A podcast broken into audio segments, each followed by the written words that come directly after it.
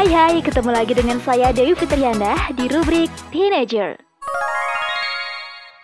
Milenial negara maju memilih menjomblo.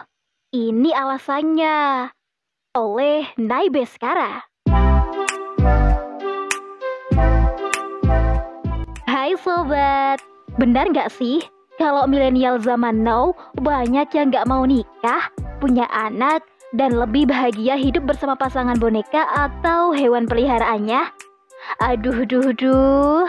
Sebenarnya, apa yang terjadi ya, Sob? Lonely, I miss so lonely. I have nobody. I have nobody.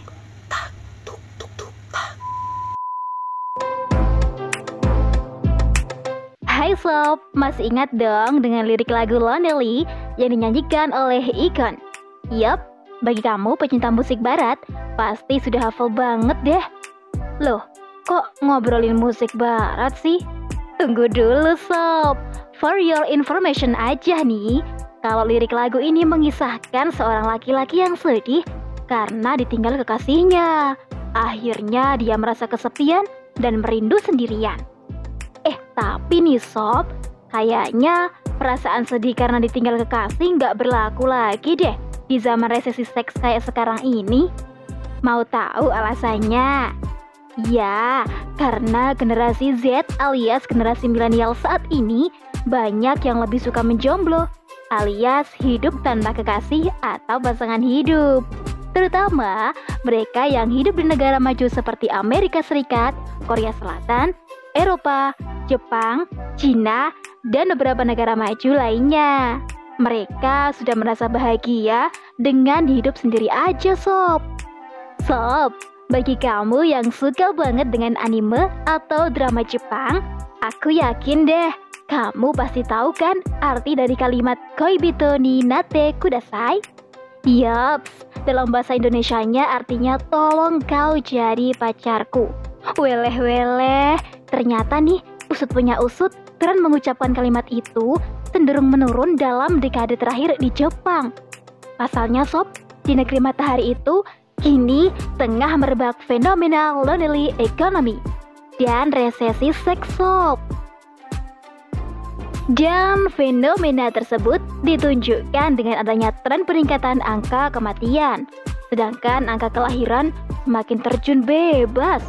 Nggak hanya itu sob, Kementerian Kesehatan di sana juga melaporkan jumlah rata-rata anak yang lahir dari seorang wanita seumur hidupnya dalam enam tahun terakhir turun drastis menjadi 1,3. Padahal nih, indeks global masih berada di angka 2,3 loh. Inilah sebabnya Jepang dilabeli negara dengan populasi penuaan tercepat di dunia.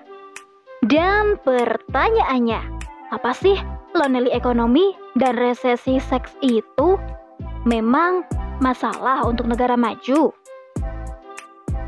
Jadi, gini nih sob, menurut Bapak Khairul Tanjung nih, lonely economy itu adalah kondisi di mana seseorang lebih memilih untuk bertahan hidup sendiri sebagai salah satu dampak dari menyebarnya wabah COVID-19. Sehingga ya mempengaruhi pola konsumsinya. Artinya apa sob? Artinya nih, banyak orang yang memilih tidak menikah dan menunda untuk punya anak. Mereka merasa lebih enak hidup sendiri gitu, tidak dibebani dengan tanggung jawab menafkahi istri, apalagi menanggung kebutuhan buah hati. Hmm, memangnya bisa jadi masalah ya? Ya iyalah sob, bayangin aja nih sob, bila angka pernikahan menurun, maka angka kelahiran pun ikut menurun. Bila angka kelahiran menurun, kemudian angka kematian meningkat, maka yang terjadi jumlah penduduk akan berkurang. Bila jumlah penduduk berkurang nih, terutama penduduk usia produktif, maka yang terjadi adalah krisis demografi dan ketidakseimbangan ekonomi. Nah, gegara jumlah pernikahan yang terdaftar di Jepang rendah nih sob. Tokyo mulai mengandalkan pekerja dari luar negerinya. Nah sob, lonely ekonomi ini ternyata sejalan dengan resesi seks yang terjadi di Jepang. Iya, resesi seks adalah penurunan gairah untuk melakukan hubungan seksual, menikah, dan mempunyai anak. Hasil survei kesuburan nasional Jepang pada tahun 2019 menunjukkan satu dari 10 pria berusia 30 tahun di negeri itu masih perjaka alias belum pernah berhubungan seks. Bukan hanya pria saja sob yang enggan menikah, tapi kaum wanitanya juga sama. Keengganan mereka untuk menikah ternyata menekan angka kelahiran secara drastis. Bahkan Populasi perawan di Jepang paling banyak di dunia loh. Wah, nggak heran deh kalau kondisi ini mereka sebut kiamat ya sob. Hmm, bukan hanya di Jepang saja sob. Fenomena lonely ekonomi dan resesi seks ini terjadi juga di banyak negara maju. Misalnya nih, Singapura.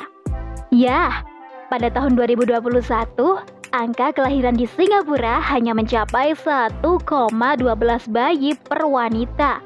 Angka ini rendah banget sob bila dibandingkan dengan rata-rata global yang masih berkisar di angka 2,3.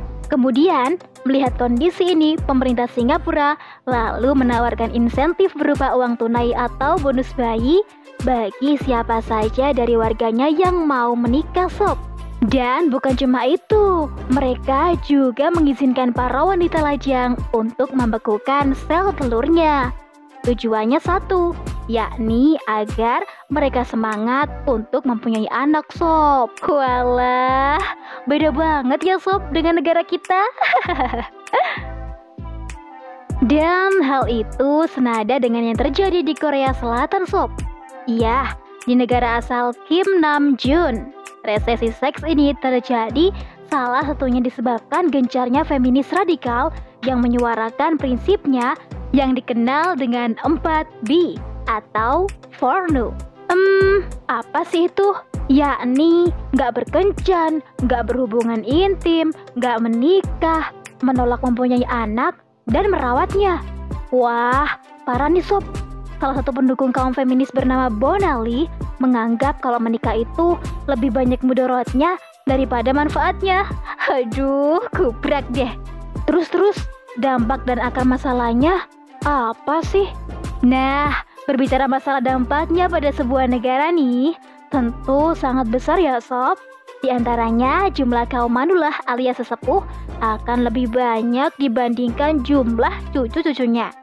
Dengan kata lain, jumlah penduduk akan menurun sob. Nah, bila fenomena ini berlarut-larut, maka yang terjadi adalah krisis demografi yang bisa menghancurkan kekuatan sebuah negara. Selain itu, pertumbuhan ekonomi juga akan terus merosot. Pembelian boneka seks terbukti semakin laris, sob. Bahkan penjualannya naik 30%. Waduh, waduh. Ya, karena mereka yang lajang melampiaskan hasrat seksualnya cukup dengan boneka seks itu. Nggak perlu nikah. Walah, walah. Penjualan hewan peliharaan pun kian melesat mereka memilih hidup bersama hewan-hewan peliharaan dibandingkan hidup dengan pasangan lawan jenisnya. Sementara pembelian rumah dan kendaraan kian menurun karena keduanya dianggap bukanlah prioritas yang harus dipenuhi. Aduh, dunia makin parah ya sob. Nauzubillah deh. Ya, sistem ini pula gagal melindungi masyarakat dunia dari wabah COVID-19 sob. Karena mau diakui atau enggak nih, Sistem yang diadopsi banyak negara di dunia inilah penyebab dari meluasnya korban yang berjatuhan. Sobat, Islam itu datang dari zat yang maha sempurna, yakni Allah subhanahu wa ta'ala. So, yakin deh, apa pun yang datang dari Allah, pastinya juga sempurna. Begitu pula dengan Islam kan? Ya, Islam bukan hanya ibadah agama yang ngajarin kita untuk ibadah ritual semata sob tapi juga agama yang memberikan tuntunan bagaimana kita seharusnya menjalani kehidupan dan menyelesaikan setiap masalah hidup kita, termasuk dalam penyaluran hasrat seksual. For your information nih sob, Allah subhanahu wa ta'ala telah menganugerahkan potensi hidup pada diri setiap manusia. Salah satu potensinya yaitu naluri untuk melestarikan jenisnya. Bahasa kerennya sih disebut gorizanau alias naluri berkasih sayang. Eh sob, Islam menuntun kita kalau ingin menyalurkan hasrat seksual haruslah dengan cara yang halal. Satu-satunya cara yang halal dan sesuai dengan hukum syara, yakni dengan menikah, bukan dengan berpacaran, bergaul bebas, berhubungan dengan sama jenis atau LGBT, apalagi dengan benda atau hewan. Hmm, salah kaprah tuh. Sob, kalau kita berkeluarga, itu berarti kita juga sudah menggenapkan separuh agama loh. Karena ternyata di dalam kehidupan berkeluarga banyak sekali hukum syarak yang harus dilaksanakan dan itu menjadi ladang pahala buat kita. Gak hanya itu, di dalam keluarga kita akan menemukan ketenangan. Karena apa? Ya, karena tujuan berkeluarga salah satunya memang untuk mewujudkan kesakinahan sob. Sebagaimana firman Allah Subhanahu wa taala dalam Quran surat Ar-Rum ayat 21 yang bunyinya begini nih sob. Dan di antara tanda-tanda kebesarannya ialah dia menciptakan pasangan-pasangan untukmu dari jenismu sendiri agar kamu cenderung dan merasa tentram kepadanya. Dan dia menjadikan di antaramu rasa kasih dan sayang. Sungguh pada yang demikian itu benar-benar terdapat tanda-tanda kebesaran Allah bagi kaum yang berpikir. Nah sob, sampai sini jelaskan bahwa dengan berkeluarga kita bisa mendapatkan ketenangan dan pahala yang bakal kita raih pun dunia akhirat. Gimana gak enak tuh? Selain itu, berkeluarga menjadi jalan bagi manusia untuk bisa mempertahankan jenisnya agar tidak punah sob. Sobat, bagi seorang ayah yang menafkahkan hartanya demi istri dan anaknya, Allah Subhanahu wa taala juga akan memberikan ganjaran pahala yang sangat besar. So, sungguh merugi deh kalau sampai ada yang menyatakan gak mau menikah, gak mau punya anak, apalagi menganggap adanya anak dapat menambah beban hidupnya. Duh, rugi banget deh sob. Nah sob, memutuskan untuk menikah atau menjomblo itu pilihan ya. Tapi kalaupun kita memilih untuk menjomblo nih, niatkan karena Allah ya. Yakni jomblo visabilillah gitu. Bukankah menikah sama dengan mengikuti sunnahnya Rasul? Apalagi Rasulullah Shallallahu Alaihi Wasallam akan membanggakan umatnya kelak bila jumlahnya banyak. Betul?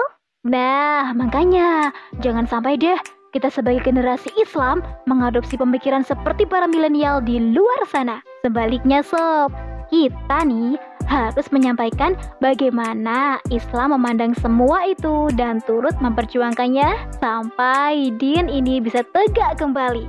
Gimana gimana? Siap kan sob? Siap dong.